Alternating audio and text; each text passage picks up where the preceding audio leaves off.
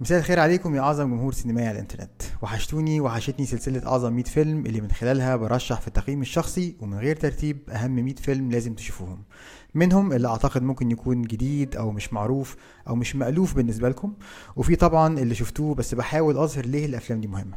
وعارف إن أنتوا بتحبوا أسلوب ال video essay اللي أنا ابتديت بيه. وفعلا رجعت بالسلسلة دي بفيلم Raging Bull ب video essay لكن لما عملت video essay لفيلم النهارده أو أي فيلم عربي يوتيوب عمل له block علشان حقوق الملكية. ال block بيحصل لي بس في الأفلام العربي. شركات الإنتاج الأجنبية فاهمين إن الفيديوهات دي مش معمولة أساسا للربح بس العربي عندنا للأسف يعني نقول إيه بقى؟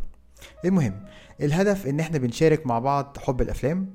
بحب أكلمكم عن الأفلام اللي بحبها وبحب أسمع وأقرأ تعليقاتكم عن الأفلام اللي أنتوا بتحبوها. ندخل بقى على فيلم النهارده وهو حب في الزنزانة إنتاج 1983 تأليف وإخراج محمد فاضل مخرج تلفزيوني كبير جدا من فطاحل التلفزيون المصري الرايه البيضاء أبو العلا البشري أحلام الفتى الطائر. وفي الأفلام ده أحلى فيلم ليه في رأيي.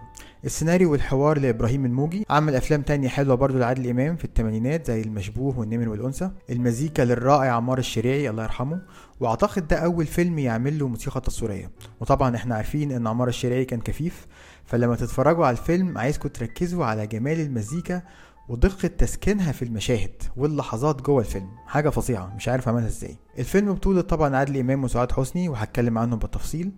وفي برضه يحيى الفخراني في دور حلو جدا ليه وشكله كان متميز كان عامل سكسوكة بتاعت فنان كده لايق عليه جدا. آه جميل راتب في دور رجل الأعمال الفاسد الجشع الشرنوبي. كان متمكن جدا من أدوار ال villain في الفترة دي. والدور اللي غير نمطي على الإطلاق كان لعبد المنعم مدبولي في دور مساعد جميل راتب أبو الفتوح. عبد المنعم مدبولي الكوميديان الطيب بابا جدو الأب في الحفيد الكوميديا الكلاسيكية طالع في دور الشخص اللي بيخلص كل أعمال الشرنوبي القذرة وعمل الدور حلو جدا. درس والله للممثلين اللي عايزين يمسكوا في دور وشكل واحد طول عمرهم أما عادل إمام وسعاد حسني بقى فده من أحلى أدوار الاتنين. ده تاني فيلم يشتغلوا فيه مع بعض بعد المشبوه. اللي أكيد هيجي في القائمة بتاعتنا والاتنين مع بعض عندهم كيمياء وحضور غير طبيعي. المعنى الحرفي التعبير بيعلوا بعض. عادل إمام كان ابتدى بقى ينوع جنب الكوميديا ويعمل أدوار درامية ورومانسية وأكشن. في الثمانينات خلاص عادل إمام قرر إن هو اللي هيرسم مستقبله بإيده. هيبني ال brand بتاع عادل إمام. فنان عنده خطة راسمها لنفسه إنه يبقى الزعيم. والأفلام دي في أوائل الثمانينات كانت أول خطوة في السكة دي. وسعاد حسني كانت دخلت في ال phase أو الفقرة الرابعة من career ها. أنا بشوف إن ال phase الأول كان البدايات إشاعة حب سفيرة عزيزة والأفلام ال light بتاعتها. لحد ال phase التاني اللي بدأ بالزوجة التانية والشروق وغروب والأفلام دي وكمل لحد ال phase التالت في السبعينات. آه خلي بالك من زوزو الاختيار الكرنك. وال phase الرابع لما اشتغلت مع مخرجين الثمانينات زي في المشبوه موعد على العشاء حب في الزنزانه وطبعا هو وهي. كان عندها 40 سنة في الفيلم ده وكانت already عملت حوالي 80 فيلم. وكانت دخلت برضه في ال phase الرابع من جمالها. الفيلم مشوق جدا وأحداثه وشخصياته بيشدوا على طول الخط. لكن أكتر حاجة بحبها في الفيلم ده هو إن جواه واحد من أحلى وأجمل وأعذب الأفلام الرومانسية القصيرة في السينما. مش المصرية بس السينما المصرية والعالمية. حدوتة وقوع عادل إمام وسعاد حسني في حب بعض. الفيلم القصير ده ممكن يتقسم على أربع فصول. الفصل الأول هسميه المنديل الأخضر بيفتح على عادل إمام فاقد الأمل في الحرية وبيطل راسه من حتة إزاز مكسور. وفي وسط المشهد الرمادي والعالم الخالي من الألوان ده بيلمح لون أخضر بيسحبه إنه يكتشف فيه إيه. فبيشوف الستات اللي في سجن النساء والرجالة اللي في سجن الرجالة بيلاقوا بعض من بعيد. وبنشوف واحدة واحدة عادل إمام وهو بيزيد فضوله وحماسه للي بيشوفه. وفجأة سعاد حسني تشد انتباهه وهي لابسة المنديل الأخضر والجميل إنه في الحقيقة مش شايفها كويس. هي بعيدة جدا صورة ضبابية out of focus مجرد لون أخضر. لكن مع ذلك بيتشد ليها ويقرب جنب بقية المساجين الرجالة ويبتدي ينادي بخجل المنديل الأخضر. وطبعا محدش سمعه وقبل ما يفقد الأمل على طول المنديل الأخضر يظهر تاني فترد فيه الروح. الفصل التاني هسميه مزيكا. ولما تتفرجوا عليه هتعرفوا ليه. اليوم اللي بعده عادل إمام بيجيب حتة قماش خضرة وبيشاور بيها على أمل إنها تشوفه. وتظهر سعاد حسني زي الملاك. ويا ربي على جمالها وجمال ابتسامتها لما تلاحظ المنديل الأخضر. فتقوم شايلة منديلها وتبتدي ترد عليه.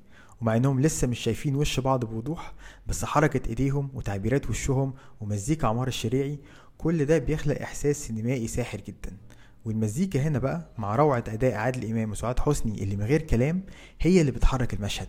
إيقاع المشهد إيقاع موسيقي جدا في تصاعد. المزيكا مع المشاعر والمشاعر مع المزيكا. والأول مرة في حبس يبتسم ونور الشمس الدافي على وشه من خلال القضبان. لأول مرة بيدخل لقلبه الأمل.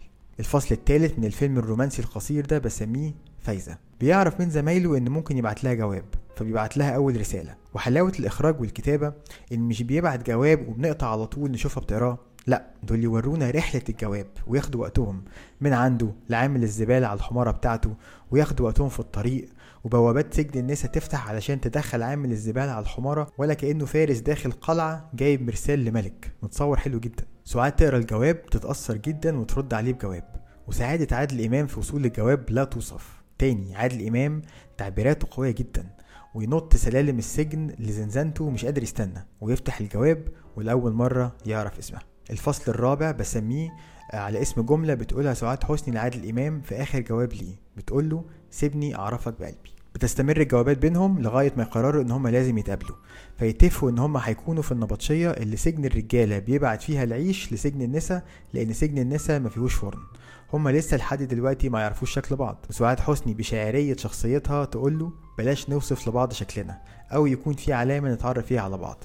تقول له سيبني أعرفك بقلبي وتعرفني بقلبك لو عرفنا بعض يبقى أرواحنا مرافقة بعض. ويوصل عادل إمام مع بقية مساجين النبطشية بالعيش على سجن النسا ولأول مرة يكونوا مع بعض في نفس المكان. وندخل في ال suspense يا ترى هيعرفوا بعض ولا لأ؟ المزيكا تسكت والكاميرا تاخد وقتها هي مين فيهم؟ الكاميرا بتحوم بتدور ما بتثبتش على وش معين. وعيون عادل إمام زي عيون الصياد والستات out of focus وهي بتحاول تسمع قلبها هيدلها عليه ولا لأ. وبعد سكوت موسيقي بيطول جدا مع نوتة مزيكا واحدة وبان سريع تثبيتة كاميرا مفاجأة على وش عادل إمام بتتعرف عليه قلبها بيدلها عليه وهو قلبه بيدله عليها. وأرجوكوا خشوا اتفرجوا على المشهد ده بعد الحلقة علشان تشوفوا أحلى وأجمل ديالوج بيحصل ما بينهم من غير ولا كلمة كله بالعيون والابتسامات والمزيكا. فيلم جميل بشكل أتمنى أكون حببتكم فيه أكتر وحببتكم في السينما المصرية أكتر وأكتر اللي هو كان السبب أصلا ليه بدأت السينماتولوجي. شكرا تاني يا أعظم جمهور سينمائي على الإنترنت. أفكركم لو سمحتوا تعملوا like و subscribe لو الحلقات عجبتكم وأشوفكم الحلقة الجاية. سلام.